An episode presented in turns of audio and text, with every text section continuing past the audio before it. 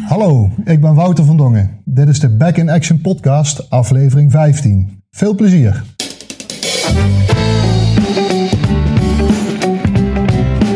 Hoi.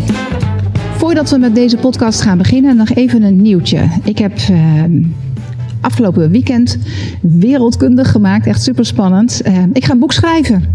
Het gaat er gewoon van komen. Al 30 jaar geleden was ik er ooit eens mee begonnen.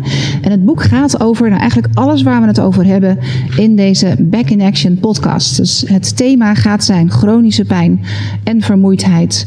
Back in Action. Um, Alleen al dat, dat ik die knoop door heb gehakt, dat ik het ga doen en wereldkundig heb gemaakt, geeft een heleboel um, ja, positieve vibe. Ik heb echt super veel zin aan. Gaat zo luisteren naar een podcast die ik heb gehad met Wouter van Dongen. Wouter is fysiotherapeut, oorspronkelijk werkzaam in het betaalde voetbal, uh, maar inmiddels uh, de switch gemaakt naar uh, zijn eigen praktijk waar hij zich focust op mensen met chronische pijn. De reden dat ik met Wouter heb gesproken is zijn website pijnontmaskerd.nl, waar hij veel informatie beschikbaar heeft voor deze groep mensen die op dagelijkse basis uh, te maken hebben met pijn.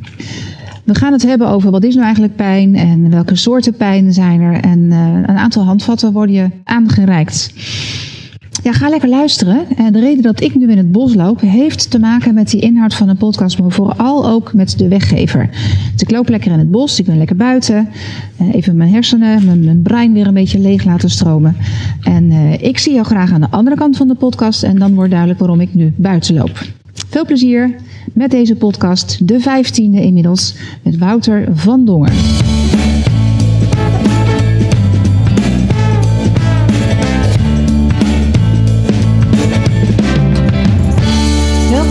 Wouter. Dankjewel. In de Back in Action podcast. Ja. Uh, we hebben Wouter hier in de studio, fysiotherapeut. Ja. Hele andere achtergrond van pijn ontmaskerd. Mm -hmm. Kan je vertellen waar dat vandaan komt? De term pijn ontmaskerd. Hoe ben je daarop gekomen? Ja, pijn ontmaskerd is wel leuk om in eerste instantie te vertellen, inderdaad. Uh, ik was al langer, uh, ik kreeg veel energie van het helpen mensen met chronische pijn. En uiteindelijk dacht ik, ik wil daar iets mee. Ik wil daar een specifiek product voor ontwikkelen. En uh, via internet kun je natuurlijk veel mensen bereiken. Mhm. Mm -hmm. uh, en ik ben op de naam gekomen, Pijn Ontmaskerd, uh, ter inspiratie vanuit het televisieprogramma Goochelaars Ontmaskerd. Ja. Ik weet niet of dat bekend is ja. of niet, maar ja. wat, wat er in dat programma gebeurde, is dat er een, een goocheltruc uh, uitgelegd werd. Mm -hmm. En puur door het uitleggen van die goocheltruc uh, had die truc eigenlijk geen, geen waarde meer. Ja, ja. En, uh, dus die illusie werd onmaskerd. Uh, nu wil ik natuurlijk niet zeggen dat pijn een illusie is. Uh, maar ik ben er wel van overtuigd dat met, met de goede informatie over pijn en de goede, goede kennisoverdracht mm -hmm. aan iemand met, met langdurige pijnklachten, dat je daarmee wel de, de kracht van die pijn uh, kunt verminderen. Ja. Dus dat iemand daar. Ja, en we hebben een feestje. Want wat is er? Ja. Je had het in eerste instantie uh, achter gesloten deuren, zeg maar. Ja. Niet voor iedereen toegankelijk. Nee, ja, precies. Ja, klopt. De, de, de site bestaat nu vier jaar. Mm -hmm. En mensen konden gebruik maken van, van informatie door uh, hun e-mailadres achter te laten en zich in te schrijven uh, op de site. Uh, maar goed, omdat nou de site jaar bestaat, dacht ik van ik gooi alles open. Ja, ja, ja. Ook met name omdat ik het ja, zo belangrijk vind dat, dat dit soort informatie gewoon algemeen toegankelijk is. Ja. Ehm, zodat iedereen er gebruik van kan maken. Ja. Dus de site is nu volledig open. De downloads zijn, zijn gratis toegankelijk. En ja, iedereen kan daar zijn voordeel mee, Ja. mee doen. Ja. Um, want misschien is het wel interessant om eens te hebben over pijn. We, we kennen de tweedeling chronische pijn en acute pijn. Ja. En jij richt je niet op die acute pijn. Dus niet voor mensen die uh, een blessure hebben en moeten Mhm. herstellen. Hoewel het Ja. chronisch kan worden. Maar Ja. jij richt je met je informatie en pijn ontmaskerd. Richt zich op de chronische pijn. Ja. Ja, ja, ik ben natuurlijk ook fysiotherapeut, hè, dus van Ja. daaruit eh, richt ik me ook op, op acute pijn. Maar ik merk met name dat ik zelf heel veel energie krijg van, eh, van het chronische gedeelte van, eh, van pijn. Ja. Omdat ik daar eh, ja, merk dat ik mensen echt kan helpen en echt een stukje verder kan brengen. Dus dat, eh, dat vind ik zelf heel fijn om te doen. Ja. Ja. En als we even ingaan op wat, wat is het verschil tussen chronisch en acuut? Ja, dat is meteen wel ook... er een ook paar dingen die daar... Ja, ja, want chronisch, dat kan, kan me voorstellen, dat hoor ik ook vaak in de praktijk, dat het op mensen overkomt als uh, oh jee, ik kom er niet meer vanaf. Of ehm, ehm, ik zal ermee moeten leren leven. Ja. En mensen hebben ook al vaak, soms wel jaren, een, eh, een, een traject doorlopen van uh, ja, een medisch specialist, huisarts, Mhm. verschillende behandelaren. Ja. Ze op een gegeven moment ook een beetje aan zichzelf beginnen te twijfelen. En, en die stempel chronische pijn, uh, die draagt er ook aan bij, aan, aan die overtuiging van ik kom er niet meer vanaf. Ja. Ja. Uh, terwijl het wel goed is om te beseffen dat op het moment dat een huisarts of een medisch specialist aangeeft van nou, u heeft last van chronische pijn, bedoelt hij er in feite niks anders mee als uh, u heeft langer dan drie maanden uh, pijnklachten. Ja. Dus er is wel een, een groot verschil tussen uh, hetgeen wat, wat een medisch specialist of huisarts uh, bedoelt Ja. en hoe dat ontvangen kan worden uh, Ja, ja. door iemand met chronische pijn. Ja. Ja, want de impact van zo'n ja, zeg maar diagnose of term of, of ja, is, is het een aandoening, kan je het haast zo noemen. Maar in ieder geval, Mhm. hij zegt je hebt chronische pijn. Ja. Dit, dit noemen we nu chronisch. Ja. Vraag me overigens af of dat zo gaat. Zit me dat zelf ook te bedenken. Heb ik er zelf van gemaakt toen ik uh, in, in die fase zat. Ja. dit, dit is dus chronisch. Ja, ja, precies. Dus zegt een arts dat tegen jou, dat je chronische pijn hebt? Ehm, er, er zijn artsen die dat feitelijk zo zeggen. Uh, en als dat niet feitelijk zo gezegd wordt, dan wordt er wel iets in die trant aangegeven. Ja. Uh, maar hoe dan ook, uh, op een gegeven moment uh, lopen mensen daarin vast. Ja. en dan krijg je het idee van, nou ja goed, ik moet ermee leren leven. Of uh, um, ja, beginnen ze zichzelf te twijfelen, het ligt aan mij of zogenaamd het zit tussen de oren. Ja.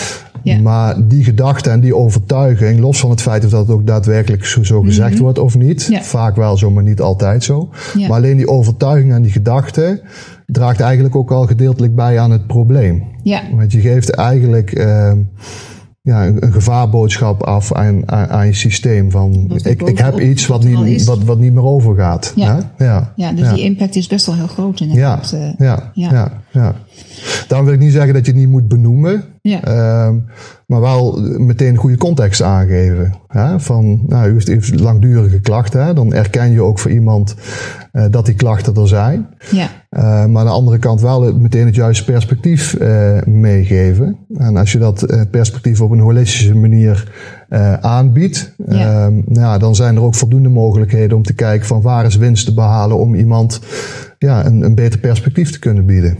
Ja. Ja. Jij komt uit, een, uit de hoek helemaal niet met chronische pijn, uit, topsport, Ja. uit de topsporthoek met, met de voetbalachtergrond. Wat heb je gedaan? Nou ja, goed, ik heb zelf van kleins af aan altijd gevoetbald. Mhm. Dus ehm op een gegeven moment de keuze gemaakt om fysiotherapie te gaan studeren. Nou, dat, Ja. dat, dat linkt natuurlijk ook wel aan, aan, aan sport. En ik heb altijd de droom gehad om het een met het ander te kunnen combineren. Ja. Ja. Ehm, tijdens de opleiding heb ik al bij een, bij een voetbalschool eh, werkzaamheden verricht. Oké.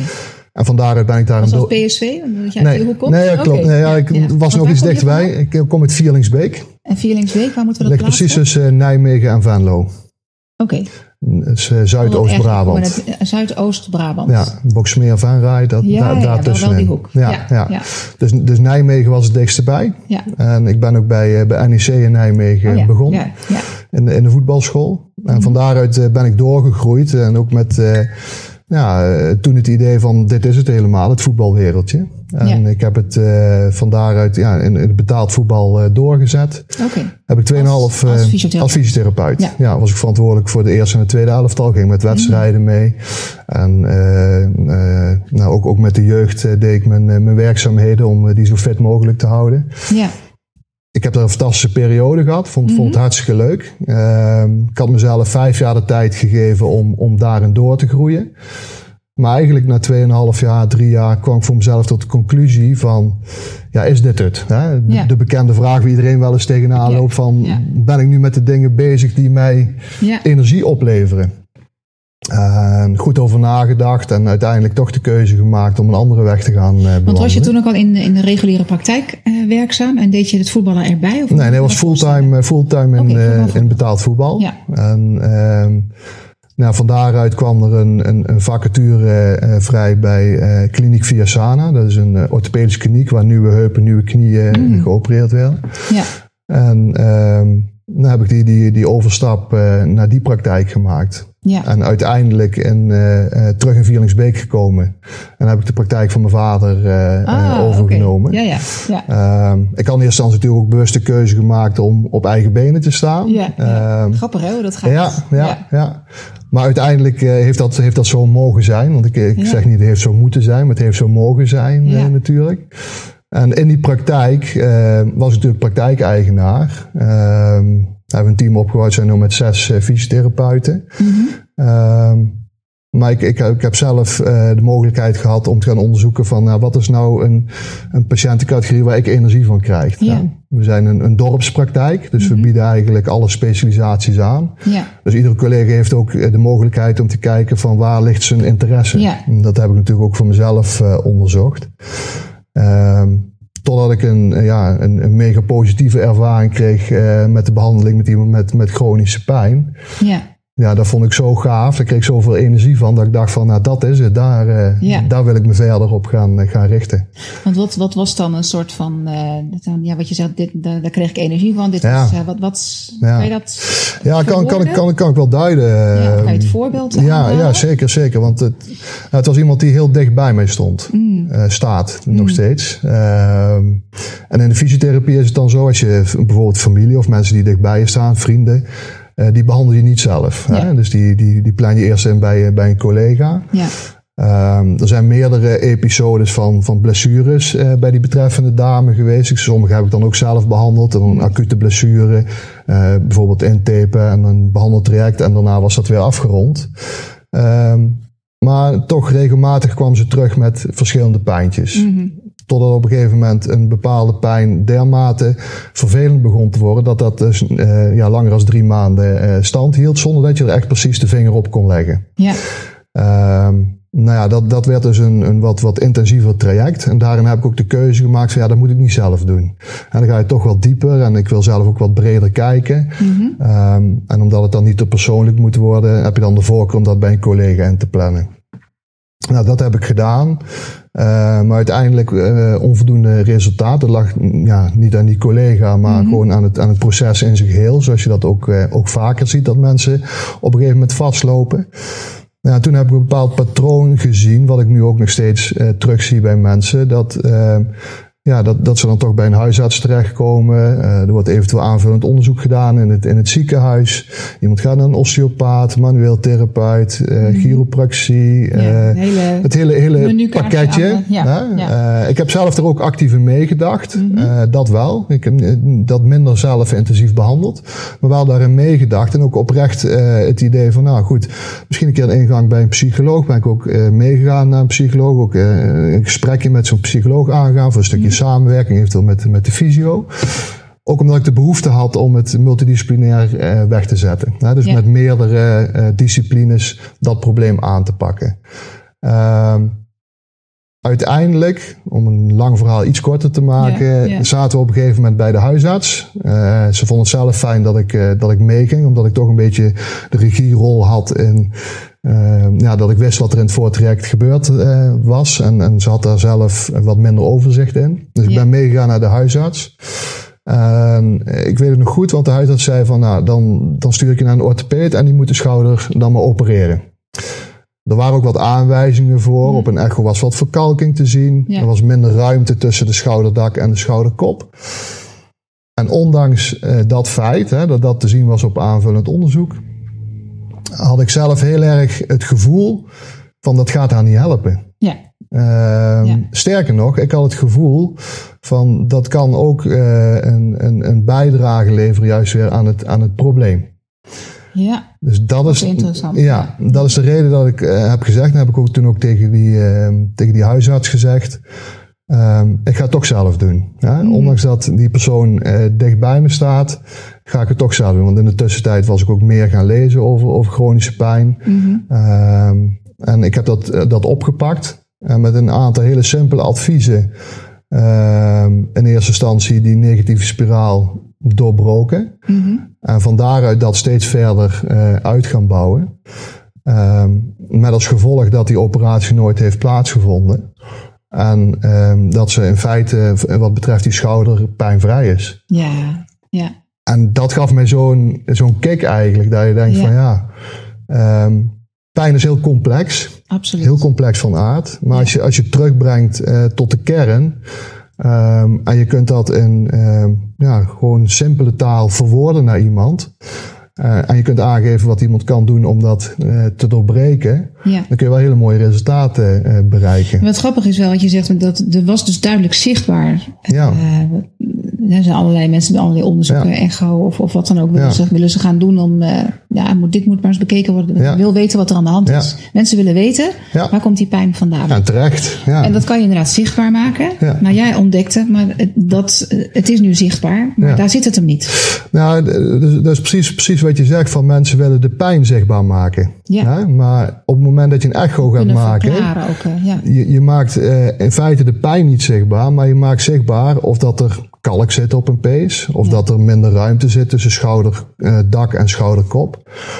Maar dat zegt in feite helemaal niks over, de, over pijn, over wel of geen pijn hebben. Ja, ja, want er zit ook helemaal niet echt een duidelijke correlatie in. Hè? De, Precies. Wat je zichtbaar hebt en, en hoeveel pijn ja. er ervaren wordt, of ja. andersom. Soms is er niks zichtbaar, maar heel veel pijn ervaren. Ja. maar ik herken wel heel erg de behoefte van mensen, op het moment dat ze langdurig pijn hebben, van nou, laat maar aanvullend onderzoek doen om, om te ja. zien wat er is. Uh, maar ook dat aanvullend onderzoek moet je wel vanuit het juiste perspectief uh, bekijken. En, en daarvoor is, is de, de juiste kennis over pijn is, is, is cruciaal. Ja. Ja. Ja. ja, maar dat is natuurlijk inderdaad wat veel gebeurt. Dat mensen, je wil weten wat er aan de hand is, dus er moet onderzoek gedaan worden. Maar um, er zit, er zit ook uh, ja, dat ze niet precies weten waar ze dan naar zoeken. Of, of wat, wat dan bijvoorbeeld het antwoord zou kunnen zijn. Wat je ermee gaat doen vervolgens. Ja, ja, ja precies. Dus, dus eigenlijk zit jij met jouw uh, site Pijn ontmaskerd. Dus veel meer op de ja, de informatieverstrekking. Ja. Mensen vertellen van, wat vertel je dan precies? Wat kunnen ze vinden?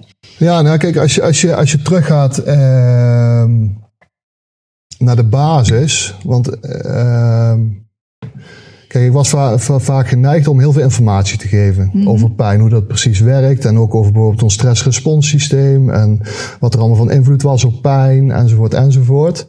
Um, tot ik een quote tegenkwam van, van Einstein. Mm -hmm. En die, die zei van, als je het niet heel simpel uit kan leggen, dan snap je het zelf niet goed genoeg. Ja. Ja, en, en, en die quote heeft me wel getriggerd om, om voor mezelf na te gaan denken van hoe kun je het nou heel simpel uitleggen. En? Vertel. nou ja, uh, eigenlijk ben ik tot de conclusie gekomen dat we uh, steeds minder in staat zijn om bij onszelf de, de vliegtuigmodus te vinden. Mm -hmm. ja? En uh, dat geeft een, een, een disbalans binnen ons, ons zenuwstelsel. En uiteindelijk kan pijn daar een uitingsvorm van zijn. Dus nog een keer, bij onszelf de vliegtuigmodus. We hebben dat net, we nemen ja, op. Ja, we hebben precies. de telefoon op vliegtuigmodus. We worden niet gestoord, hè? geen prikkels. Ja, ja, ja. Want dat ben je zelf doen. Hoe ziet dat er dan uit? Um, als je binnen het centrale zenuwstelsel kijkt. Mm -hmm. En dan het centrale zenuwstelsel bestaat uit het brein en het ruggenmerg. Um, dan heb je uh, daar twee delen in.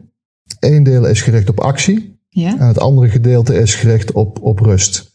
En gaspedaal en je rempedaal. Gaspedaal en rempedaal. Dat is, Ja. een, dat, is een, dat is een mooi. Dat is ook een voorbeeld die ik, Ja. eh, die ik vaak aanhaal. Ja.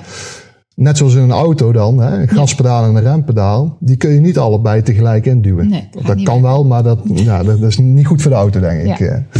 eh. Um, dus dat, dat moet met elkaar in balans zijn. En dat gaspedaal-rempedaal, dat zit in je, dat noemen ze dan het autonome zenuwstelsel. Mhm. En dat is het gedeelte van het zenuwstelsel uh, wat alle processen beïnvloedt of aanstuurt, waar je zelf geen of weinig invloed op hebt. Ja, dus dan heb je niet, geen directe invloed. Dan heb je Het aanstaan. Ja, precies. Hè, zoals mensen dat tegenwoordig allemaal doen. Ik sta de hele dag aan. Ja, precies. Ja. dus Ja, dus heb je, heb, je, gaspedaal. heb je het over hartslag, heb je het over bloeddruk, zweetsecretie, maar ook bijvoorbeeld je verteringsstelsel. Ja. Dat zit allemaal in het autonome zenuwstelsel. Ja. En dat aanstaan is dan uh, het ene gedeelte van uh, dat zenuwstelsel. Dat moet in balans zijn Mhm. met de rem eigenlijk, de rust. Ja. Ehm, dat stressresponssysteem, uh, dat is dan zeg maar het, het, het aanstaan. Ehm, dat is gericht op, op acuut gevaar. Ja. Dat geef ik ook vaak aan. De, de zebra die ten opzichte van de leeuw staat. Mhm. Ehm, bij die zebra die ten opzichte van de leeuw staat, die zebra is een gevaar. Dus, Ja. dus daar is dat systeem van het volledig aanstaan. Alert. Het, het, het alert zijn, energie vrijmaken om te kunnen vechten en, en vluchten. Mhm. Uh, dat is erop gericht om de overlevingskans van die zebra te vergroten. Ja. super functioneel. Alleen bij die zebra duurt dat hooguit vier minuten. Mhm. Dan is je of winner of dinner, één van de, twee. De rest van de dag ligt hij te slapen, bij wijze van Ja, spreken. ja, ja. Ja. Dus hij is of opgegeten of hij is ontsnapt. Ja. Maar die zebra, op het moment dat hij dus ontkomen is aan dat directe gevaar van die leeuw, die heeft niet zo'n neocortex, die, die, die, dat, dat nieuwste gedeelte van de hersenen die wij als mens hebben. Eh, dus die gaat niet nadenken van, oh, wat moet ik dadelijk nog? Of ik moet nog zus of zus of zo. Lesjes en plannen. Eh, Precies, en, ja. of, of gaan nadenken van, oh, ik heb dit meegemaakt. Hè. Dat heeft hij allemaal niet. Mhm. Wat ervoor zorgt dat hij eigenlijk vol automatisch onder die struik gaat liggen om te herstellen. Ja, En op het moment dat hij onder die struik ligt, gaat de, de hartslag naar beneden, de bloeddruk gaat naar beneden, zijn vertering komt op gang, hè, er komen bouwstoffen in. zijn- Ja, zakt ja, precies. Ja, dus de een gaat, eh, doet dit met je en de ander kan, kan zakken. Ja, exact, exact. En als we dan weer terugpakken op eh, ons als menselijk organisme, Mhm. ehm, wij staan minder vaak eh, bloot aan dat acute gevaar. Ja, misschien als ik hier de straat oversteek en ik, ik Ja. let niet op, Ja, eh, dan hoop ik dat mijn stressresponssysteem eh, goed werkt. goed werkt. Ja. Maar over het algemeen is het meer eh, latent gevaar, dus, dus ruis. Ja? En ehm, nou, dat, dat heeft ook te maken met eh, hoe de ontwikkelingen binnen de maatschappij eh, zijn natuurlijk. Dan is het goed om te realiseren dat, je, dat we ten opzichte van 20 jaar geleden bijvoorbeeld op dit moment blootstaan aan 20 keer zoveel prikkels. Dus dat moet ook allemaal verwerkt worden. Ja.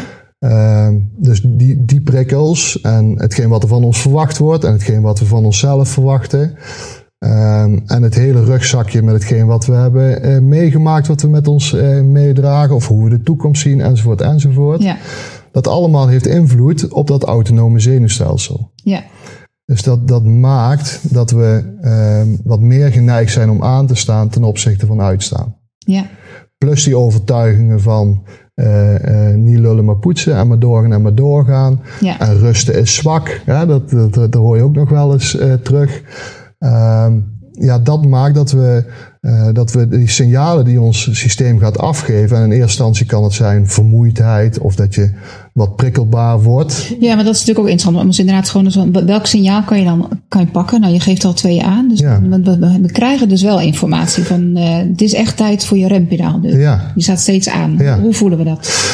Ja, dat, dat, dat, is interessant, dat is inter- interessant inderdaad, omdat je. ehm, ehm, dat is ook het doel eigenlijk van, van die pijneducatie. Ja, Is om, om mensen handvatten mee te geven van wat kan ik nou doen. ja. En hoe merk ik het? Dat, Ja, en als je, als je eh, die signalen in een vroegtijdig stadium eh, eh, weet, weet te counteren, om het zo maar te zeggen, of weet Ja. te doorbreken en daar wat mee doet, ja, dan, dan hoeft het niet zo ver, zo lang in een negatieve spiraal door te gaan en uiteindelijk in, tot, tot pijn te leiden, bijvoorbeeld. ja, ja, eerste signalen die je kan merken als je, als je langer eh, aanstaat, dat, dat je vermoeid raakt. Hè? Ja. Het systeem put uit. Als jij. eh, Maar als ik en ga hardlopen ben ik ook vermoeid. Ja, dat maar klopt. het is een andere vermoeidheid die je bedoelt. ehm, ja, nou, het, het Niet is, uitgerust wakker worden bijvoorbeeld. nou ja, eh, slecht slapen is ook een, een, voorbeeld van, eh, van, van te, te veel aanstaan. Hè? Ja. Eh, Dan is het goed op het moment dat je. ehm, ehm, op het moment dat, dat je signalen merkt, om dan bijvoorbeeld, hè, dat is heel simpel, terug te pakken naar die metafoor van, van die zebra. Mhm. Als die zebra hard gelopen heeft, eh, dan is hij ook moe. Ja. Maar die gaat er wel onder die struik liggen om, om te herstellen. Ja, En eh, juist in dat herstel, zeker ook naar hardlopen, eh, in het, tijdens het herstel word je sterker en word je beter en, en, en neemt je conditie toe. ja, Maar op het moment dat je dan daarna jezelf die, die rust niet gunt, dus je blijft hardlopen, ja, eh, dan, dan is hardlopen wel een mooie, mooie metafoor. Op het moment dat je voelt dat je vermoeid eh, bent en je luistert daar niet naar en je gaat door, dan gaan er problemen komen. ja, Hè, dat, dat zie je ook dat zie je zelfs in de topsport. Hè. Dat Ja. iemand een, een, een- bijvoorbeeld een marsfractuur, hè. Dat, is een, dat is een duidelijk voorbeeld daarvan. ja, Ehm, dat er zelfs een, een, een bot kan breken zonder dat er een acuut gevaar is op dat moment. Ja. Of iemand verstapt zich, maar puur door de overbelasting. ja, Dat het dan op die manier tot uiting komt. Ja. Ehm, dus, dus dat is met hardlopen, daarna vermoeid zijn. Ja, dat is een signaal van eh, eh, ik moet rusten. Ik moet, en, en die rust zorgt ervoor dat, dat je conditie beter wordt. Maar aan de andere kant eh, is dat met dat latente gevaar, is dat vaak heel, een stukje lastiger om, dat, om die signalen op te pikken. Met name op het moment dat je niet die kennis hebt, dat het uiteindelijk tot verdergaande problemen kan Ja. leiden. En vandaar dat ik dat zo belangrijk vind. Maar even, even nog Ja. meer. Ik zou, eh, voor mensen, wanneer weet je nou dat je te lang aanstaat? Dus dat is die vermoeidheid. Dat, dat is één. Dus Ja. kunnen we nog meer, eh, waar kunnen mensen het dan aan eh, Ja, voelen, horen, merken? Welke signalen zijn er? ja. Nu wordt het Nou, slechter slapen Ja. is daar een, eh, een En onderdeel hoeveel van. uur moet je slapen dan? Kun je dat- niet uitdrukken in uren? Nee, dat, dat is Dus heel, wel individu- even- heel individueel bepaald. Maar, maken voor ja, mensen. nou, als je het gevoel hebt dat, je- dat je 's ochtends eh, eh, met energie opstaat, ja. dat is goed. Ja. Hè? Maar als je 's ochtends opstaat met het gevoel van oh, ik moet nog aan de dag gaan beginnen, Ja. Ja, dat is een signaal ehm, dat het niet goed in balans is. Ja. Ja, want we hebben het altijd over hè, acht uur slapen moet je Ja. per nacht. Ja, ja ik, ik denk dat het heel individueel bepaald is. Ja, ja. Maar ehm, eh, acht uur, ik, ik denk dat het wel een, het niet, hoor. een, een mooie richtlijn zou kunnen zijn. Ja. Nee, ik, ik haal het zelf ook niet altijd, maar ik merk wel bij mezelf als ik het twee, drie nachten achter elkaar niet voor elkaar krijg, dat ik het bij mezelf merk. Ja. En het zou kunnen dat ik daar eh, wat fijner gevoel voor heb, omdat ik juist met de, hier heel veel mee bezig eh, Mhm. ben. Maar ook met name omdat ik het mezelf gun Mhm. Ehm, om, om daarna weer beter in balans eh, te komen. Ja. En dat is wel cruciaal, dat je je jezelf centraal stelt en ook die signalen voor jezelf mag voelen. Ja. Want heel vaak is het zo dat je dan misschien 's ochtends eh, niet uitgerust voelt en dan toch meteen volledig aanstaat en weer eh, gaat doorknallen. Ja, die, eh, precies. ja. Precies. En bepaalde dingen moeten ook. Hè? Ik bedoel, eh, Ja.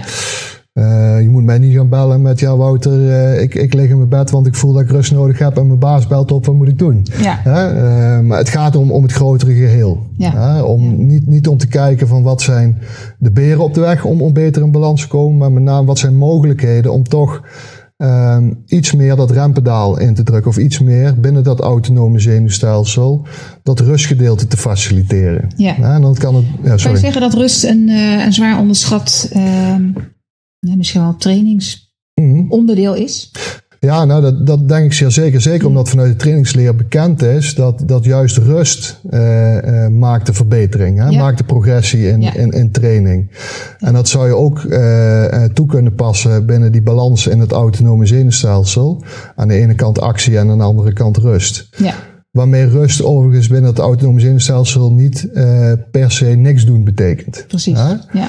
Als ik eh, een waardevol gesprek met iemand heb, Mhm. ehm, dan is dat een, een, een boost voor mijn, eh, eh, voor mijn parasympathische zenuwstelsel. Dat gedeelte wat voor rust verantwoordelijk is. Mhm. ja, kan je heel veel energie van Precies. krijgen. En aan een ander moment kan je het gevoel hebben dat je helemaal leeg loopt. Ja, dat, ja, ja, en dat is dan de andere kant. Ja. Hè? Maar het, Ja. het gaat erom om, om met rust niet alleen zeg maar niks te doen, Ja. Maar wel meer uit te staan. En dat is wel een, een nuanceverschil. Het verschil Ja. tussen niks doen en, en uitstaan, om het zo maar te zeggen. Ja. Ja. Ja. Ja.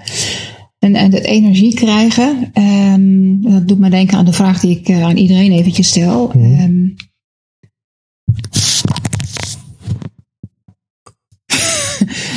ik ben al die tijd eh, heel slecht te verstaan geweest.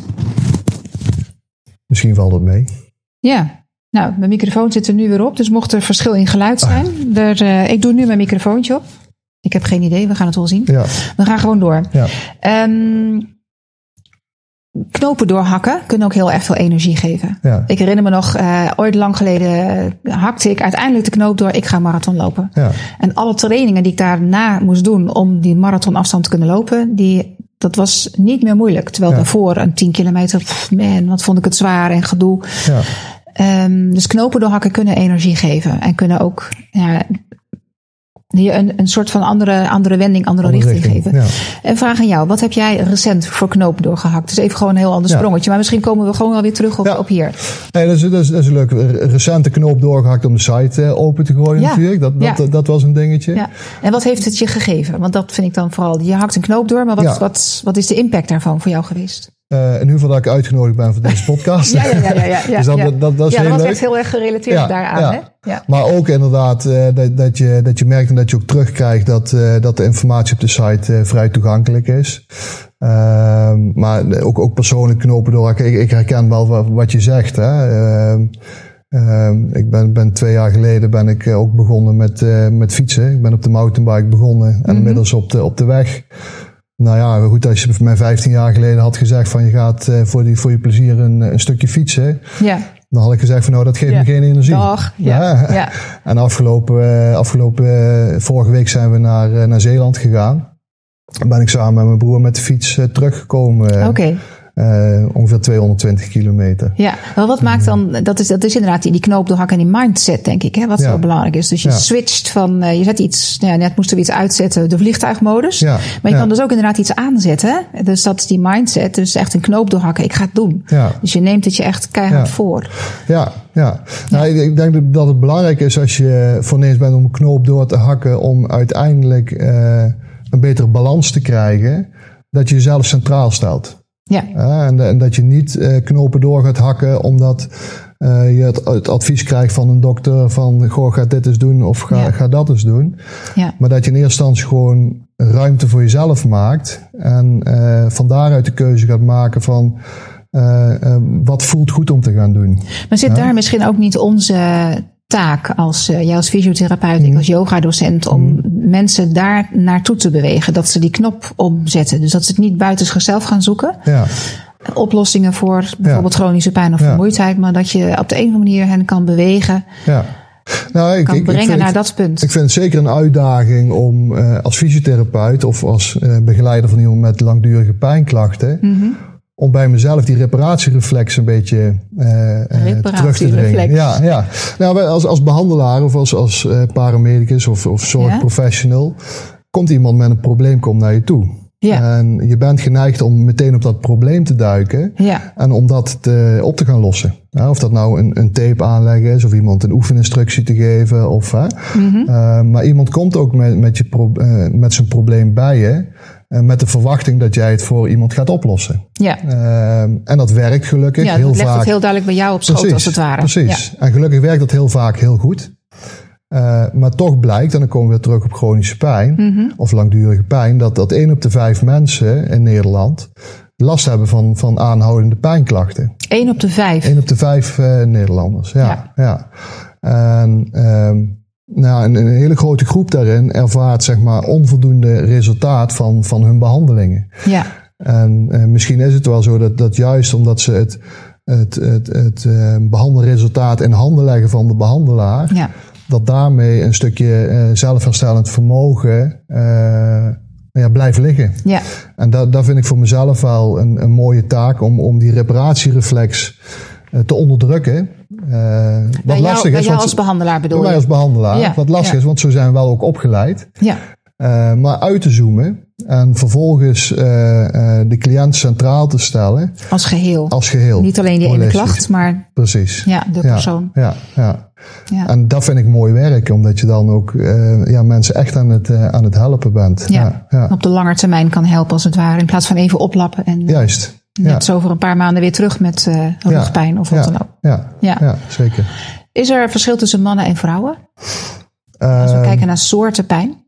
Ik zie bijvoorbeeld uh, fibromyalgie. Mm -hmm. Vooral vrouwen. Ja, ja. Hoe komt dat? Ja, dat en, en is dat, dat ook dat zo? Hè? Want dat is ja, wat ik, wat ja, ik waarneem. Ja, dat is ook, maar... ook wel mijn ervaring uh, sowieso met chronische pijn, fibromyalgie en ook uh, andere... Ja, bekkenbodem is bijvoorbeeld ook een hele herkenbare. Daar hebben mannen overigens ook last van, maar, maar vrouwen in... Uh, vrouwen meer, of vaker, laat ik het zo zeggen. Ja. Um, ja, dus kun, kun, zijn, er, zijn er soorten pijn die, die uh, nou ja, vooral mannen, vooral vrouwen. Rugpijn, meer mannen. Ja, nou, ik, ik, denk, ik denk dat het vooral interessant is om te kijken van, van wat zou daar een verklaring voor zijn. Ja, ja. ja? En als je dus uh, teruggaat inderdaad naar de, uh, naar de pijneducatie. Uh, ja, wat overigens uh, ben ik geïnspireerd door uh, Australisch pijnwetenschapper Mosley. Dat, dat is de, theorie erachter. Mm -hmm. Dus de, ja, weet je, het, is, het is wetenschappelijk onderbouwd. Hè? Dus er, zit, er zit heel veel onderzoek achter. Mosley? Mosley. Mosley. Dat is een Australisch pijnwetenschap. Okay. Ja. Um, maar je hebt in Nederland heb bijvoorbeeld ook de, de Pijnalliantie in, in Nederland. Mm -hmm. um, Uh, in België heb je Pain in Motion van, uh, van Nijs. Mm -hmm. Er zijn heel veel groepen die zich met pijn bezighouden. Ja. Er komen zorgstandaarden uit, worden hele boeken en artikelen over, over geschreven. Uh, dus de pijneducatie die ik toepas is ook wel goed, goed onderzocht. Ja? Ja. En als je dan ervan uitgaat dat, dat er zeg maar een, een latent bewijs voor gevaar is, omdat je langdurig aanstaat, hè, mm -hmm. waar, we, waar we het in het begin over gehad hebben. Um, dan, dan, dan zie je dus uh, ook, ook bijvoorbeeld uh, bij vrouwen. Um, ja, dat alle taken, wat er van ze verwacht wordt, en met name ook wat ze van zichzelf verwachten, mm -hmm. maar ook bepaalde cognities en overtuigingen die ze dan ook, ook meegekregen hebben in, in de eerste fase van hun leven, dat het wel invloed heeft op het systeem. Ja. Um, dus het mogelijk dat daar een, een, een verschil uh, in zit tussen de incidentie tussen, tussen mannen en, en, en vrouwen. Ja. Uh, maar goed, dat, dat, is, dat is wel een beetje hypothetisch natuurlijk. Ja. Uh, ja, ja. Maar is jouw ervaring in de praktijk ook? Dat er meer vrouwen. ja, dus sowieso dat dat, nou ja, groepen, verzamelingen zeg maar zijn. mannen die met bepaalde klachten binnenkomen, vrouwen met. met of is dat niet wat jij waarneemt? Ehm, ja, ik, ik, ik, kijk eigenlijk niet, niet, niet zo vaak van zit er nou een man of een vrouw tegenover okay. me. Ja, zit dus, dus daar, daar begint persoon. het eigenlijk ja. al, ja. uh, al mee. Ja. Um, kijk, los van het feit dat het een man of een vrouw is, van, ja, je, je past dezelfde visie eigenlijk toe. Mm -hmm. je, je probeert het geheel te overzien. Uh, en van daaruit ga je kijken van wat zijn de mogelijkheden om, om dat patroon te doorbreken. Ja. En of iemand zich nou met... Uh, uh, met bekkenbodemklachten meldt, of, of met fibromyalgie, of uh, met uh, chronische lage rugklachten. Mm -hmm. ik, vind het, ik, vind het, ik heb meerdere malen meegemaakt dat aan het einde van het traject iemand tegen mij zegt van, goh Wouter, ik, ik, ik heb geen fibromyalgie meer. En dat is bijzonder. Ja. ja want ehm, fibromyalgie, ja, een langdurige klacht, chronische klacht, ook waarvan mensen heel lang denken van, ik, ik kan er niet vanaf komen, ja. of ja. ik zal hiermee mee moeten leren leven. Ja. Um, maar op het moment dat iemand zelf zegt dat hij daar uh, geen last meer van heeft, ja, wie mm -hmm. ben ik dan om te zeggen dat hij nog fibromyalgie heeft? Ja, ja. En uh, daarmee wil ik niet zeggen dat ik iedereen beter kan, kan maken. Ik wou dat ik het kon. Mm -hmm. je loopt tegen beperkingen aan. Maar als je het vanuit een holistisch oogpunt gaat bekijken en ook gaat zien van wat er allemaal van invloed is op, op pijn, ja, dan zijn de mogelijkheden om stapjes te maken zijn bijna wel onuitputtelijk. Ja, je, kan je een paar stappen geven? Um, nou, wat, wat we zeiden van uitstaan. Ja. ja. Uh, het meest concrete voorbeeld is van, van gun het jezelf in eerste instantie om gewoon meerdere momenten per dag uh, een kwartiertje tot twintig minuten uit te staan. Ja. Liggend rusten zonder prikkels. Liggend rusten zonder prikkels. Ja. Dus je gaat op de bank liggen, zou ook zitten kunnen zijn. Ja, stel dat je op kantoor bent, je bent de hele dag aan het werk, kan je niet gaan liggen. Nou, ja, dat, dat, is, dat is dus die beer op die weg. Ik, ik heb een, een voorbeeld van, van een cliënt die dat met zijn baas bespreekbaar heeft gemaakt. En. Ik heb ook gezegd van, nou goed, als je je werk niet meer kan doen, dan kost dat de baas ook geld. Dan gaat de kost van je productiviteit enzovoort. En er zijn ook onderzoeken bekend dat op het moment dat je eh, eh, minder uren maakt, eh, dat dat niet ten koste hoeft te gaan van je effectiviteit op je werk. Mhm. Ja. Ja. maar dat soort informatie naar, naar een baas gaan en ook eh, met de, de baas vanuit de pijneducatie, waar ook een kort documentje is, bijvoorbeeld wat je aan je baas kunt laten zien van hoe het een en ander met elkaar in verband staat. Ja. Ehm, die man, want in dat geval is dat een man, Mhm. Die heeft het wel voor elkaar gekregen dat hij eh, bij de baas in het bezemhok een, een luchtbedje neer mocht leggen. Kijk, in Dus het de- bezemhok. Maar goed, Ja, dat het maakt, niet ja, uit. Het is gelukt. Ja, het, Ja. het is. Kijk, dus kijk, je, en dat is, dat, is, wel terecht dat je dat zegt. Want het is heel vaak zo dat, dat mensen dan zeggen van... oh, dat, dit krijg ik niet voor elkaar, dit krijg ik niet voor elkaar. En er zullen best dingen zijn die je niet voor elkaar krijgt. Ja, dat is ook het Ehm, ja-maar denken, hè? In plaats van nou Ja, in. Of- maar kijk, kijk naar mogelijkheden. Ja. en dan realiseer je ook van, eh, nou goed, als, als ik dat bespreekbaar maak Mhm. en je kunt dat, dat op die, die manier wel voor elkaar krijgen, ja, dan kan dat wel winst eh, eh, opleveren. Want dan sta je dus iets meer uit als dat je aanstaat. ja. Kijk, en dan moet je jezelf ook wel ehm, ehm, de tijd voor gunnen. Want net zoals eh, hardlopen training is, is ook uitstaan training. Want Mhm. ja, ga, er maar, ga er maar eens liggen in, Ja. in een bezemhok op je luchtbedje, een kwartier. Dan gaan honderden gedachten door je heen. Ja.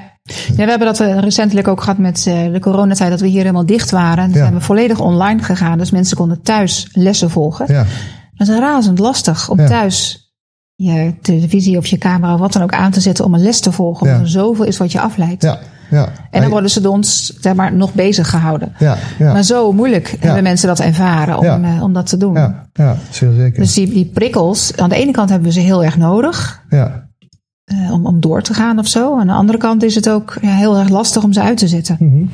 Nou, het, het is, nou, heel erg nodig is misschien ja. niet goed wat ik daar zei, maar ja. Ja, precies. In hoeverre heb je die, die prikkels nodig? Uh, als je inderdaad realiseert dat we in deze tijd twintig keer zoveel prikkels krijgen als, als twintig jaar geleden, dan krijgen we al genoeg prikkels binnen. En moeten we ons juist daartegen in bescherming nemen. Maar het is wel belangrijk dat op het moment dat je dan zo'n liggend rustmoment neemt, dat je die onrust in eerste instantie ook gewoon toelaat. Ja. Uh, als je daar tegen gaat vechten en dat weg gaat duwen, dat is ook waar yoga zich ook op richt, hè, om, om, om, weerstand toe te laten. Realiseer je dat het een, een oefening is. En vertrouw erop dat op het moment dat je dat uh, regelmatig toepast en, en blijft toepassen, uh, dat het uiteindelijk resultaat opgeleverd dat het rustiger in je hoofd wordt. Ja. Ja. Ja. ja, dat is natuurlijk lastig om inderdaad ongemakkelijke situaties of vervelende ervaringen, zoals eh, prikkel die je onrust geeft, om daar dan in te kunnen blijven. Want je ja. liefst wil je weg. Ja, en dat is ook de reden dat we aan blijven staan. Ja. Ja. ja. dus dat is, dat is onderdeel van het, uh, uh, van het geheel. Ja. ja dus. Ehm, Oké, dus wat waren, dat waren, we gingen kijken van wat zijn dan eventueel stappen die we mensen kunnen, kunnen nemen. Dus dit is er eentje. Ja. Zorg dat je een paar keer per dag uitstaat. Ja, ja, Wat nog precies. meer? Nou, is wel leuk. Ik heb een, uh, een recept gemaakt. Ik zie een mooi receptenboekje ja, liggen. Laten we het even eens zien. Ja. Eh, dus het klassieke huisartsenreceptenboekje. Ja, dat heb ik ook, ook uh, in, uh, op die manier vormgegeven. Ook juist om, okay. om dit ook een spreekstuk in, in de huisartskamer te laten zijn. Ja. Dus dit heb ik ook recent ontwikkeld. Ga ik ook in gesprek met de huisartsen of, of medisch specialisten. Um, Recept genezing chronische pijn of SOLK. Kunnen we ja. nog even, wat is SOLK? Maar, ja. ja. ja. En dan is het medicijn, pijneducatie. Ja, ga je ja. maar even. Nou, kijk, in, in feite, hetgeen wat erboven staat, is om, om, om je beter te voelen, moet je beter leren voelen.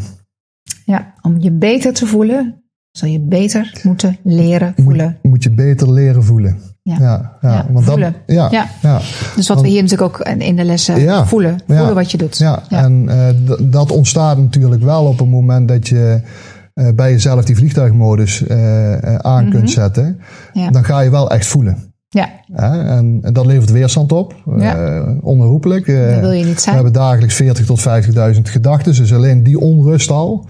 Ja. Ehm, nou ja, dat, dat levert weerstand op. -hmm. Um, los van het feit wat je allemaal hebt meegemaakt enzovoort enzovoort. Want dat heeft ook allemaal invloed. Hè? Ja. Um, maar van daaruit dus, dus, dus beter leren voelen. Dus jezelf uitzetten. En uh, van daaruit kijken van wat kun je verder nog doen om een positieve bijdrage te leveren aan dat parasympathische gedeelte van het zenuwstelsel. Dus het gedeelte van het zenuwstelsel wat uh, uh, gerelateerd zijn aan zeg maar rust. Ja. Oftewel die, die zebra onder die struik, de rem. Ja. ja. En dat is niet alleen, alleen die rust, maar er zijn meer dingen die je kan doen om, uh, om die parasympathicus positief te, te beïnvloeden, om het ja. zo te zeggen. Dus en dat, dat, dat die wat omhoog mag komen. Dat is wat je dan eigenlijk wil doen. Ja, de, de, de, de rustkant. Ja. Ja, En dan hebben we het dus over die pijneducatie. Dat is, dat, dat, is, dat is een hele belangrijke, want alleen die inzichten van, van hoe uh, hoe je lichaam werkt, hoe je centrale zenuwstelsel werkt, uh, wat van invloed is op pijn. Uh, ja, dan maakt het al veel breder als van ik heb pijn aan mijn elleboog, dus daar zit het probleem. Ja. Dus die, die pijneducatie is, is essentieel om ook een ingang te hebben om, om dingen te gaan veranderen in een bredere zin als alleen op weefselniveau. Ja. We hebben het gehad over die, over die rustmomenten. Mm -hmm. Um, ja, er zitten meer dingen bij van uh, bijvoorbeeld, ik zal een voorbeeldje noemen, ja? dankbaarheidsoefening. Uh, ja.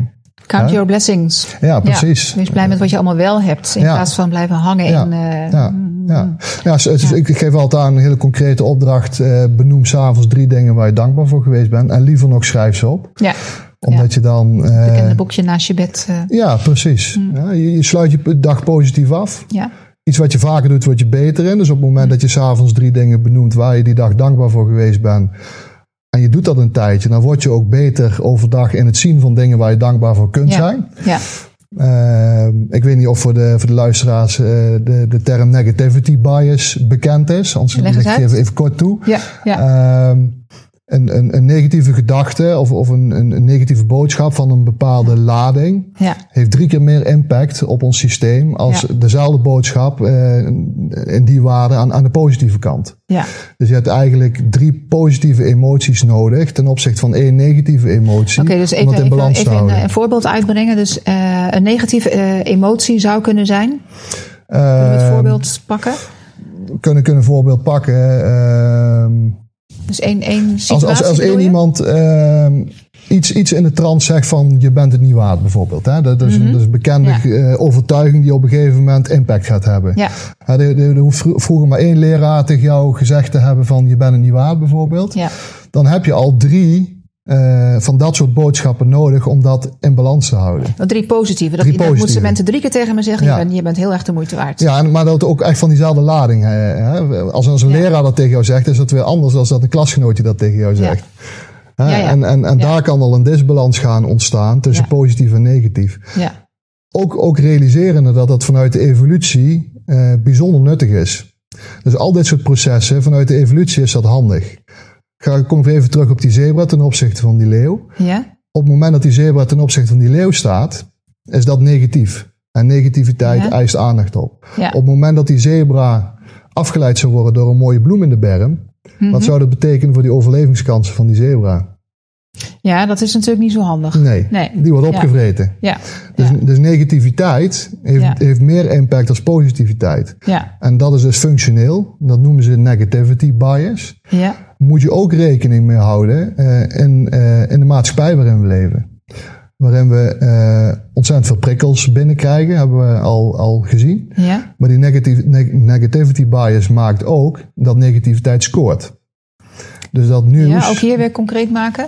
Nou, nieuws is vaak negatief gericht. Ja, dus alle informatie die we nu krijgen over corona, allemaal getallen en Ja. Ziekmakend en alarm. Want Ja, ja. waar gaat het dat, heen? dat, dat, dat is wel, wel nieuws wat verkoopt. Eh, Ja. En, en ook maar de impact waar, is enorm. de impact is enorm. Ja. En, en ja, dat, is- dat is weer een zij, zijweggetje. Ja. Eh, maar als ik, eh, want wij hebben ook hulp op, afstand gedaan. Mhm. En ik vond het opvallend dat de mensen die ik gebeld heb met, met langdurige pijnklachten in die coronatijd, ehm, dat mensen zich op dat moment, ja, nog meer mensen voelden zich beter als dat ze zich slechter voelden. Ondanks het, het negatieve van de, van de corona. Ehm, dus je kunt eh, iets negatiefs hebben, Ja, hè, die, die hele coronacrisis. ja, Maar aan de andere kant ehm, ontstond er meer ruimte in agenda's. Mensen hadden meer oog van Ja. wat waardevolle contacten waren. Hadden meer tijd met hun gezin en met hun kinderen. Ja, dus de hadden quality. minder dingen die ze, die ze moesten. Mhm. Dus ondanks dat er een grote min kan zijn, ja, kan die situatie toch eh, ook naar het positieve eh, Ja. toe omgezet worden. ja. En dat, ja. vond, dat vond ik opvallend. Dat, eh, dat mensen juist ook door de rust en, en minder. Ook, ja, ze kunnen ook minder naar buiten. Hè? Ja. En, en, ja, dus ze stonden noodgedwongen meer uit. Ja, Ja. precies. Ja, en ik bedoelde eigenlijk met dat voorbeeld aan te halen deze Mhm. tijd nu. Ja, Nu, eh, de, de, Nederland is weer een beetje Ja. open aan het gaan. Ja. We zitten nu eh, eind juli, Ja. dat de podcast Ja. wordt opgenomen. Mensen zijn op vakantie en Ja. eh, we horen steeds meer geluiden van eh, dat het weer een soort aanwakkert. Ja. En eh, de angst die daarmee mee gecreëerd wordt. ja nou, dat soort nieuws heeft impact op het systeem. En, en dat is Ja. onderdeel van die latente dreiging. Ja, ja. Wat een bijdrage levert aan, kan leveren aan die disbalans. ja, ja. En dat is de kern van dat, eh, dat pijn daar uiteindelijk een uitingsvorm kan, van kan zijn. ja, En dat is niet omdat we dat verzinnen, ja, maar omdat er feitelijk letterlijk wat gebeurt binnen je brein en je centrale zenuwstelsel. ja. Want vaak, eh, daar staat ook die term solk op. Ja. Daar staat, eh, Oh ja, die zouden we nog ja, even. ja. Dat is een afkorting, hè? Solk. Solk is een afkorting, dat betekent somatisch onvoldoende verklaarbare lichamelijke klachten. Ja, somatisch, Ja. onvoldoende verklaarbare. Dus eigenlijk Lichamelijk. wil een huisarts samen zeggen lichamelijk onvoldoende verklaarbaar. Dus Ja. een, een verzameling van, van fysieke pijnklachten eh, die niet voldoende verklaarbaar zijn. Ja, dus ook niet in relatie tot wat er bijvoorbeeld zichtbaar is gemaakt in onderzoek. Ja, precies, exact.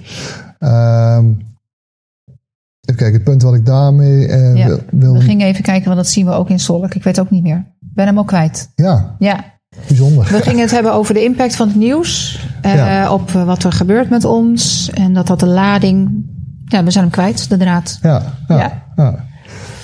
Maar dat geeft niet. Nee, We, ehm, wat zijn. eh, we hebben het over de stapjes gehad. Dus we hebben eh, het rempedaal indrukken. Mhm. ja, ja dat, dat, dat, positieve invloed op dat parasympathische. Ja, op, ja. Ja, Dus ehm, wat, wat je nog meer kan doen om een positieve bijdrage te leveren aan die balans tussen aanstaan Ja. en uitstaan. Ja. Daar hebben we dus pijneducatie gehad, rustmomenten gehad. En het laatste wat we hebben benoemd is die dankbaarheidsoefening. ja, ja. En ehm, nou, eh, als je kijkt naar het autonome zenuwstelsel, dan is ademhaling eigenlijk hetgeen wat een centrale rol uh, heeft. Ja. Want als we kijken naar uh, bloeddruk, ja, daar hebben we niet direct heel veel invloed op. Mhm. ja, wel door middel van onze voeding en onze leefwijze en ook Ja. de balans tussen aan en maar niet direct invloed Je kan niet op. met een oefening zeggen, nu gaat mijn bloeddruk Precies, naar beneden. Maar dat. daarmee kan je wel je ademhaling. Je ademhaling Juist, kan je wel juist. sneller of langzamer ja, maken. ja, of hoger of lager. Ja, En- kan en- sturen. Ja, en ehm, Maar je kan niet zeggen tegen het hart, nu ga je rustiger ademen. Exact. eh, pompen. Ja, Dus ademhaling heeft ook wel een cruciale rol in, in Mhm. het geheel tussen aanstaan en uitstaan. En dat is ook natuurlijk goed te combineren met dat uitstaan. Ja. Met, die, met die rustmomenten bijvoorbeeld. Ja. Nu is het ook goed om dan ook ademhalingsoefeningen niet te gebruiken als controlemiddel om, om toch iets te doen. Het is ook eh, belangrijk om ook helemaal Ja. uit te kunnen staan Kan zonder een, ergens mee eh, bezig te ja. zijn. Het kan ook een, een, Valkuil zijn, hè? een valkuil zijn. Dat je dan toch Ja. weer iets hebt om eh, te doen. Ja. Ja. Ehm, maar nogmaals, terugkerende op, op die zebra. Op het moment dat je naar een dierentuin gaat en je, en je ziet een, een willekeurig beest, bijvoorbeeld een zebra, liggen, dan zie je een rustige flanke ademhaling. Op het moment dat hij niet, niet in gevaar is. Hè? Mhm. Ja.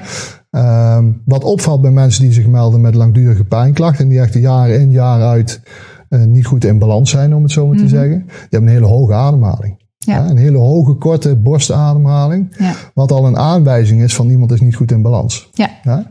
Ja. Dus dan is ademhaling een hele mooie manier eh, om direct invloed uit te kunnen oefenen eh, op dat rustgedeelte van het zenuwstelsel. Ja.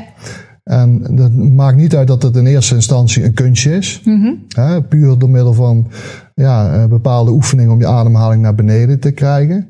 Want je, de, de staat van je systeem heeft invloed op je ademhaling. Maar Mhm. andersom heeft ademhaling ook invloed op de staat van je systeem. Ja. En je hebt een, een podcast over ademhaling ook, ook Ja. opgenomen. Ja. Ehm, Met werd- Koen de Jong. Koen de Jong. Ja. Er werd ook de, de ademmethode van eh eh, The Iceman, eh. Wim Hof, eh, Ja. eh, aangehaald.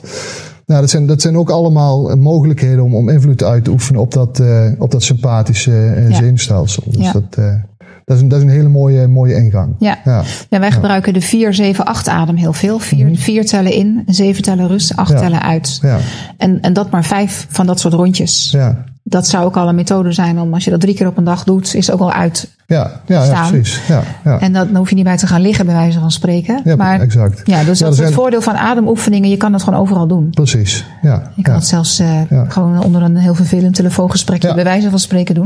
ja, ja. En wat daar ook wel mooi aan is, is dat je ook een manier hebt om enigszins een inschatting te kunnen maken van, goh, hoe staat het nou met mijn eigen balans Mhm. binnen dat eh, autonome zenuwstelsel? Ja. Eh, daarvoor kun je heel makkelijk de, de adempauze meten, bijvoorbeeld. Ja. als, je, als je vijf ademhalingen doet, eh, en je richt je dan op, een- op een diepere uitademing, hè, Mhm. op een buikademing, diep, diepere uitademing. En na die vijf ademhalingen adem je voor drie kwart bijvoorbeeld uit. En je doet dan je adem stoppen. Ja? Totdat de, de eerstvolgende ademprikkel eh, vanzelf komt. En die, Mhm. die komt vanzelf. Ja. Dat is de, de lengte van de adempauze. Dus na de laatste ademhaling van die vijf, drie kwart uitademen. Oké, met, de, met de longen leeg. Adempauze met de longen leeg. Ja, drie kwart. Drie kwart, Ja. drie kwart leeg. Ja. Dan stopt de, de- stop je de ademhaling. Mhm. En dan eh, op een gegeven moment krijg je een ademprikkel. Mhm. En die adempauze zegt iets over de balans binnen je autonome Ja, ja. zenuwstelsel. Ja. En die zou ja, toch op zijn minst eh 20 seconden, als je goed in balans bent, zou je gewoon makkelijk 20 seconden adempauze moeten kunnen hebben. Eh, dus op die manier kun je ook heel mooi meetbaar maken van wat is de Ja, staat van mijn systeem Ja, op, eh, ja. op, op, op dat moment. Ja, ja, wij tellen ook vaak het aantal ademhalingen in een minuut. ja, ja. Hoeveel ademhaling, hoeveel ademrondjes in en uit is dan één, Mhm. doe je in één minuut. ja. En dan, ehm, En waar streef je dan ergens naar? Of, eh? nou, het tussen haakjes gezonde aantal ademhalingen in de minuut ligt er even Mhm. aan wat je aan het doen bent. Maar als je, zoals wij hier nu zitten, is het waarschijnlijk mag het wel iets hoger zijn. Want het is toch een beetje een onnatuurlijke situatie. We worden opgenomen, het is een podcast, dus je. Ja. bent alert. ja. Dus het zal allicht wat hoger zijn. Hij is alweer wat gedaald, hè? Ja, hè? ja, ja, precies. Ja, dat is de, ja, dus de stressfactor die heeft invloed op je, op je dat- ademhaling dat- bijvoorbeeld ook. Ja. Maar zou ik eh, op een yogamatje liggen en ik ben al tien minuten lang bezig en ik ben aan het zakken, dan, dan zou zes ademhalingen een heel mooi getal zijn. Ja. Ja. Maar we zien dat dan soms nog mensen 12, 13, 14 ademhalingen doen in Ja. minuut. Dat is echt te veel aanstaan. Ja. Ja. Nou, maar, maar dat, En dan is daar, dus dat, dat geef ik vaak ook, eh, dan is daar dus heel veel winst te halen. Als Ja. je nu focust op beter Ja. leren ademen, ja.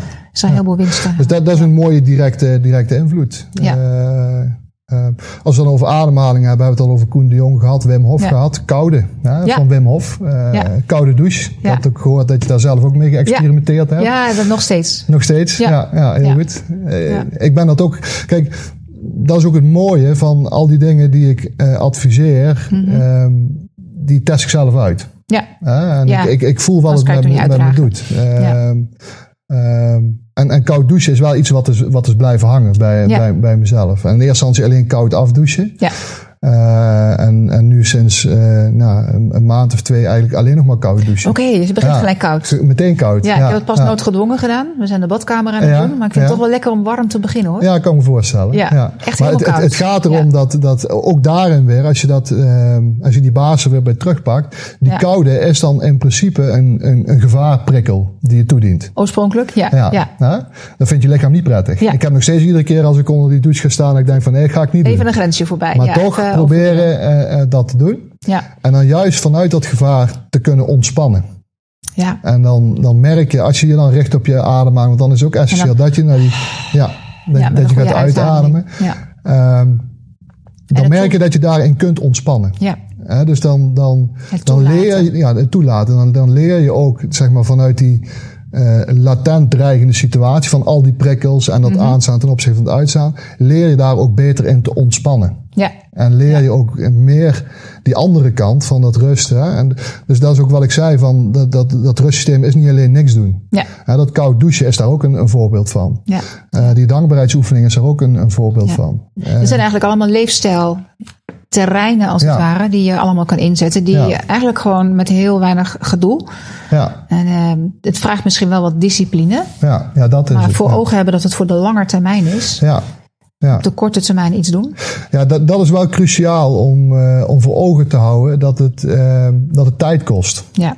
Want je gaat uit van, eh, om nog maar een term erin te gooien, neuroplasticiteit. Dus dat is eigenlijk de vervormbaarheid van het, van het brein. ja, Het brein is in staat om zich aan te passen en Ja. om, om, om te leren. ja, Ehm, maar vaak hebben we als, als eh, zorgprofessional, op het moment dat iets na nou ja, vier tot zes weken niet werkt, ja, dan weten we eigenlijk al niet waardoor dat het komt. Mhm. Ja. Omdat we dat proberen te verklaren op, op weefselniveau.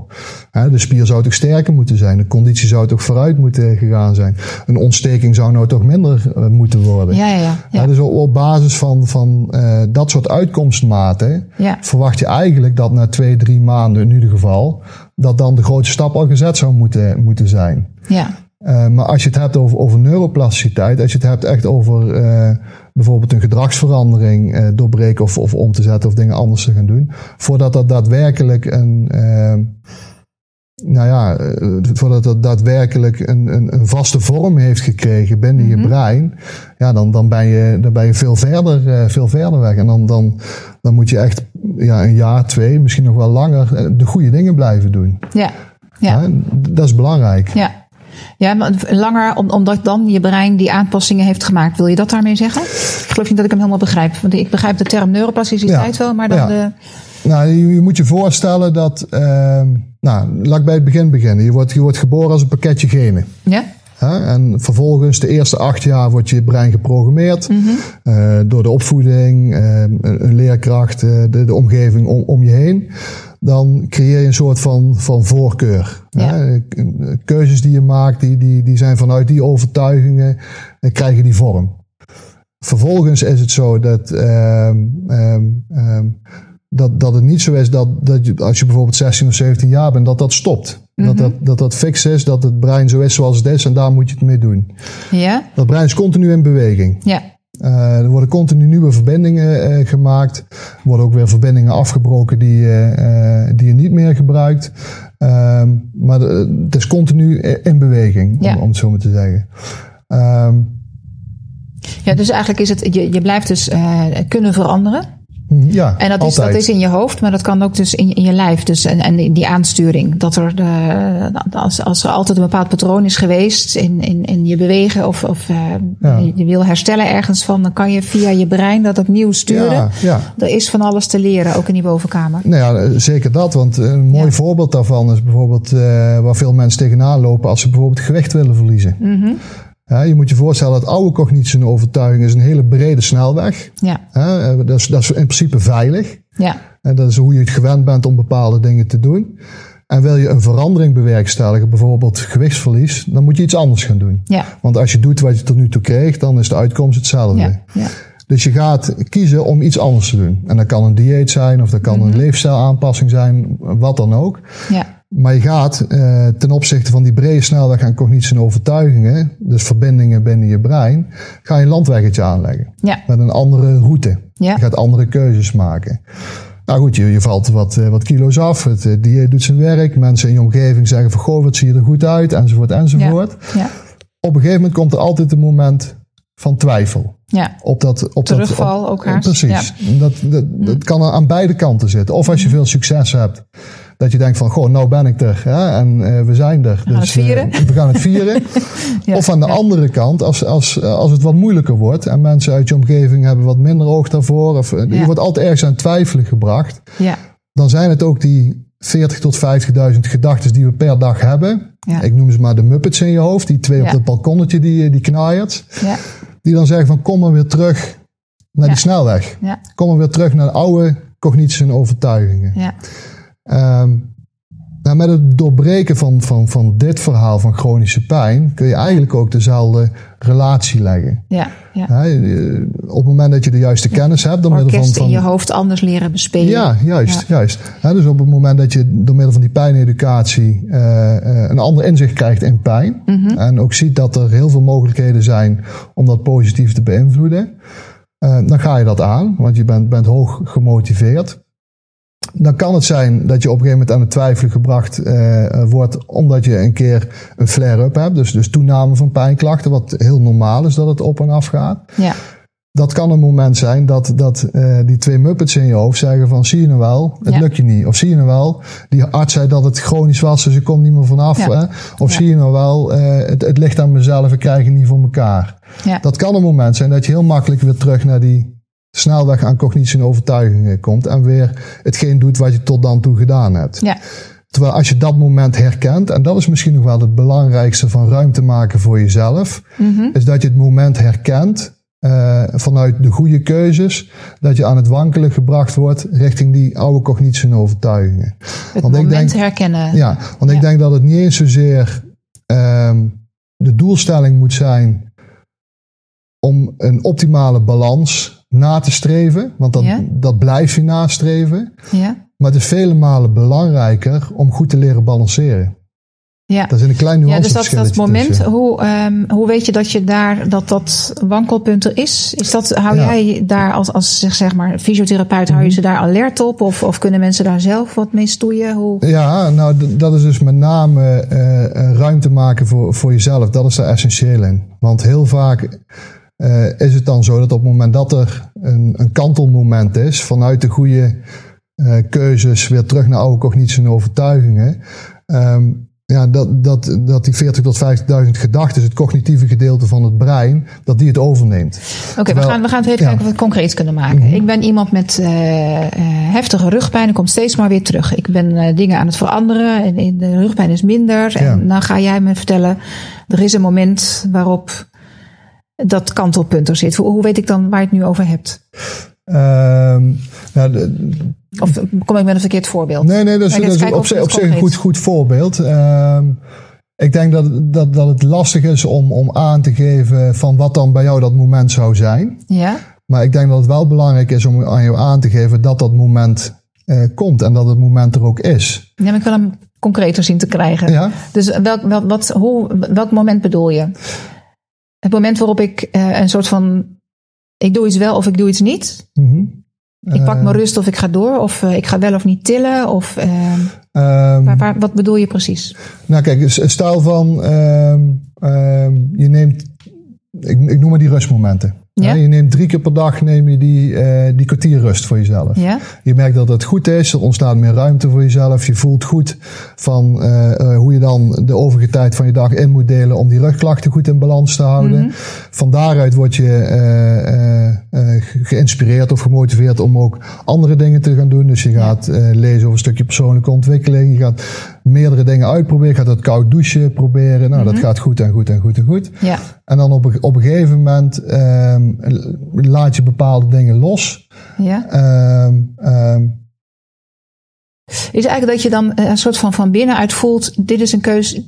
Ik voel nu dat ik hem moet maken. Dit, dit is goed. Ik moet die drie momenten op. Niet omdat jij het zegt, maar omdat ik het zelf. Ja, kijk, het, het kan dat zijn het? dat, je uiteindelijk eh, van, van drie naar twee momenten terugkeert. Ja, ja, En, en dat je het, het gevoel, hè, dat je wel blijft voelen. Ja. En het idee krijgt van, nou goed, ik, eh, ik blijf gewoon goed in balans. Want dat kan. Ja. Want de situatie is niet zoals die een half jaar geleden was. Ja, Hè? En dus het is continu een verandering. ja, Eh, alles is in beweging. Ja, Dus of iets gaat naar de goede kant, naar de gewenste situatie, of iets gaat daar vanaf. ja, En op het moment dat jij eh, eh, dus uiteindelijk kiest om van drie rustmomenten naar twee rustmomenten te gaan, eh, en je merkt dat, dat, eh, dat je toch stapjes maakt in die gewenste situatie, dat kan. Ja. Dat, dat maar dat goed. komt dan dus helemaal van binnenuit. Jij zelf Ja. voelt, dit is nu een keuze die ik moet maken. Ja. Niet omdat iemand anders er tegen je zegt. Precies. Zit, hij daar? Is dat ja, wat je ja dat, dat, is, dat is dat ruimte maken voor jezelf. Dat, het, dat het niet beredeneerd is, maar dat het meer op, op basis van gevoel Echt van, in tune met, met je lijf. Ja, ik, ik zeg ook wel eens van de, de, de, de ziel schreeuwt niet, de, de ziel fluistert. Ja.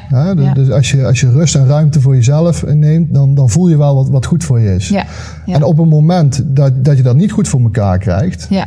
Dan moet je daar ook compassie voor hebben. Ja. En dan moet je ook tegen Mag jezelf dat er ook zijn. Ja. Precies. Maar dan, dan, is het, dan is er wel een, eh, eh, een verschil of dat je dan weer terugkeert naar de oude cognitie en overtuiging en daar dan weer in blijft hangen. Ja, Of dat je dan weer de stap kan maken eh, naar de goede kant. En dat Ja. je, dat je nou, de, de context is ook iedere keer anders. Hè? Misschien maak je wel iets mee waardoor het op dat moment minder makkelijk is om de goede keuze voor jezelf te blijven maken. Ja. Dan, dan zit je aan, aan die andere kant van dat aanstaan. ja, Dat kan ermee gepaard gaan dat je daardoor meer pijnklachten hebt. Ja. Dan kun je twee dingen doen. Eh, of weer vasthouden aan oude cognities en overtuigingen. Mhm. Dus ehm, eh, weer eh, naar het ziekenhuis voor onderzoek of Ja. naar de huisarts of wat dan ook.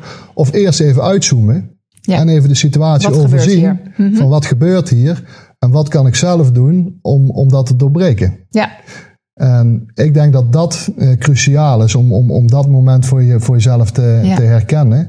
En eh, dat moment kan ik niet concreet aangeven. Dat is iets wat je, wat je moet voelen Ja. door, door ruimte voor jezelf te, te creëren. Ja. Maar ik kan wel aangeven dat dat vaak zo werkt. Hè? Waardoor je minder aan het wankelen gebracht wordt. En dat ook ziet als, eh, als een normale reactie van, van, van je lichaam en van je, van je systeem. ja, Want ik wil ook heel graag, zeg maar, die, ehm, die, die overtuiging van er is iets mis met me, Mhm. die wil ik graag parkeren. Want zelfs in het geval van chronische pijn, ja, van aanhoudende pijnklachten, kun je zeggen van ja, ik heb het gevoel dat er iets mis met me is. ja. Maar je systeem probeert jou dan misschien wel te waarschuwen voor erger. En zou je het misschien kunnen omarmen? Nou ja, misschien is het wel eh, een, een hele goede waarschuwing voor jezelf. Want je hebt ook mensen die geen pijn ervaren. Of die dat weg kunnen drukken en maar doorgaan en maar doorgaan en maar doorgaan. En die, die, die dat niet ervaren. Ja. En dan is er ook een relatie bekend met welvaartsziekten. Zoals diabetes, obesitas, hart- en vaatziekten. Ja. ehm, eh, eh, immuniteitsproblemen. Hè? Dus, Ja. dus nu in, eh, in tijden van corona bijvoorbeeld. Hè? Je weerstand tegen virussen enzovoort. Ja, ja, Ehm, daarvoor is een balans binnen dat autonome zenuwstelsel belangrijk. ja, Want als je nou die zebra bent ten opzichte van die leeuw, ja, ehm, dan maak je op dat moment maak jij geen energie vrij voor vertering. ja? Je maakt energie vrij om te vechten of te vluchten. ja. Dus je vertering wordt onderdrukt. Mhm. Ehm, in het menselijk organisme gaan we niet uit van het acute gevaar, maar van het latent aanstaan, om het zo maar te zeggen, latent gevaar. Heb je wel iedere keer dat die vertering bijvoorbeeld lichtelijk onderdrukt wordt. Ja, ja, prikkelbare darmsyndroom. Ik, Ja. ik, ik gooi er maar even eentje in. Hè? Ja. Maar, maar ook eh, ehm, eh, nou ja, heel, heel veel hart- en vaatziekten. ja, Op het moment dat jij tegenover die leeuw staat, gaat je hartslag omhoog. ja? Als dat na vier minuten over is en je hartslag gaat weer naar beneden, be- prima in balans. ja, Maar op het moment dat er latent gevaar blijft bestaan, ruis blijft staan, en je hartslag blijft verhoogd, ja. nou ja, als je geen pijn zou krijgen en je zou doorgaan en doorgaan en Ja, doorgaan, dan komt die klap misschien wel in één keer. En Juist. eh, heb je geen signaal gehad Ja. van tevoren. Ja, Ja, dus het gaat een beetje ver om, om, om blij te zijn dat je, dat je chronische pijn hebt. Hè? Dat snap ik ook. Dat Ja, is maar- gewoon hartstikke vervelend. Ja, Maar eh, wel belangrijk om het vanuit een breder perspectief te zien. Ja. En ook van Ja. daaruit te kijken van wat ja zijn wel nou... dankbaar voor het signaal. Ja, dat, ja, zeker. Zou, Ja. zou heel mooi zijn. Ja, Ja. ja. ja, Wat kunnen mensen op jouw website, eh, waar kunnen ze voor terecht? Ehm, nou, sowieso gratis uh, informatie in, in de vorm Ja. van verschillende bijlagen. Dus de pijneducatie, zeg maar, kunnen ze terecht? Ja, Ja. ja. de, de, de pijneducatie, maar ook, ehm, ja, we nemen nou een podcast op bijvoorbeeld. Ja, ja. Ik heb op de site heb ik ook een lijstje met, met podcasts die, je- die je kan luisteren. Ja, want we hebben het over, eh, over dat internet eh, impact heeft met het aantal prikkels wat je tot je krijgt enzovoort.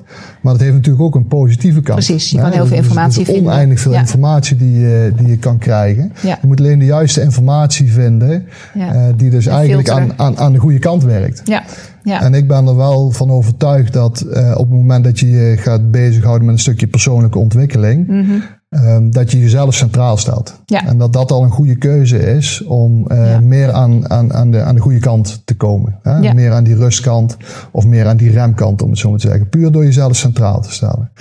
Dus als je eh, kijkt op de, op de site, dan heb je daar een, een bijlage met allemaal podcasts die je kan luisteren. Ja. Er zijn podcasts die zijn specifiek gericht op, eh, op pijn. Deze komt Ja. er ook in te staan natuurlijk. Wij komen erin. Ja, zeker.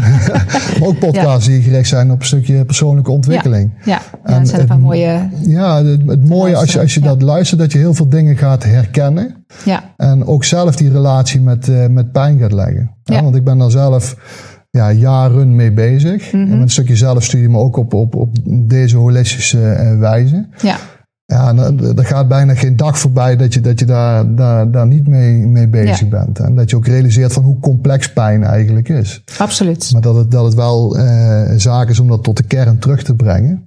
Ja, Om, eh, ja, dus ook een beetje ontrafelen. ja, En dus pijnontmaskerd.nl. ja.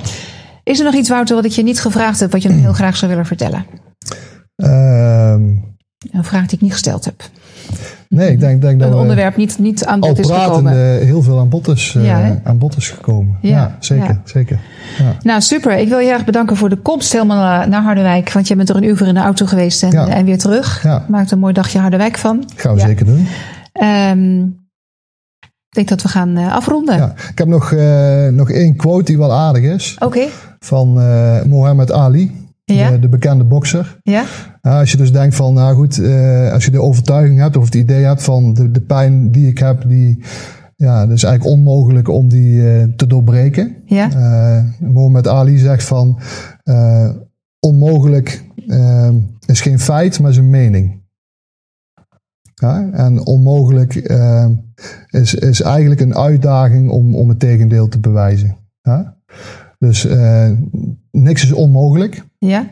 Er zijn altijd mogelijkheden om een stapje te maken in, in, in de richting van, van de goede kant. Ja? Dus op het moment dat je dat vanuit een stukje zelfliefde, rust vanuit jezelf en jezelf centraal stelt, van daaruit de goede eh, keuzes kan, eh, kan maken, kun je altijd een stapje maken. En Ja. het kan altijd, eh, het, het kan volgende week 1% beter zijn. Ja?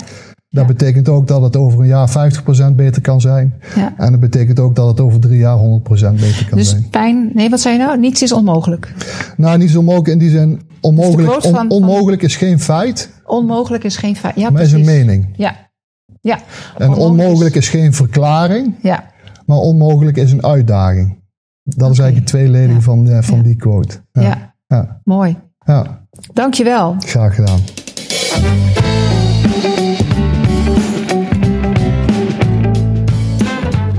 Zover dit interview met Wouter van Dongen. Ehm, rest ons nog even de winactie voor deze podcast. We zijn daar eh, gewoon volledig aan voorbij gegaan. Dat die er is, maar goed, bij deze alsnog.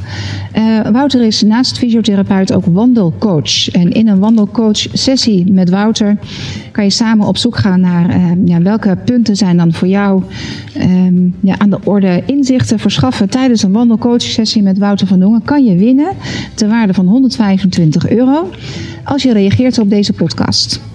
Ehm, hoe kan jij de visieuze cirkel, die ja, toch bij heel veel mensen met chronische pijn aan de orde is, hoe kan je die doorbreken? En welke inzichten, die kan je in een, een wandelsessie met Wouter al heel eh, rap eh, ja, krijgen, boven water halen. Dus die kan je winnen. En ik hoor ook heel graag van jou ehm, welke onderwerpen jij vindt dat ik aan bod moet laten komen in het boek Back in Action. Het boek over chronische pijn, waarbij ik, eh, ik als yoga-docent en medisch fitness specialist eh, heel veel inzichten ook wil gaan verwerken. Maar misschien heb jij ook al, ehm, en je kent mij inmiddels, Uh, of nog niet. Maar goed, wat, waar denk je dat ik je mee kan helpen? Wat, welk onderwerp? Laat het me weten. En wat zijn jouw ervaringen met chronische pijn? Ik hoor het heel graag van je. Reageer onderaan deze uh, video of deze post, of waar je hem ook maar treft, kan je dat doen. Maar je kan me natuurlijk ook gewoon even een mailtje sturen naar rita.mindyourbodyfitness.nl. Bedankt voor het kijken, bedankt voor het luisteren en uh, ja, ga er ook even lekker op uit. Bewegen loont. Bewegen met aandacht en adem loont.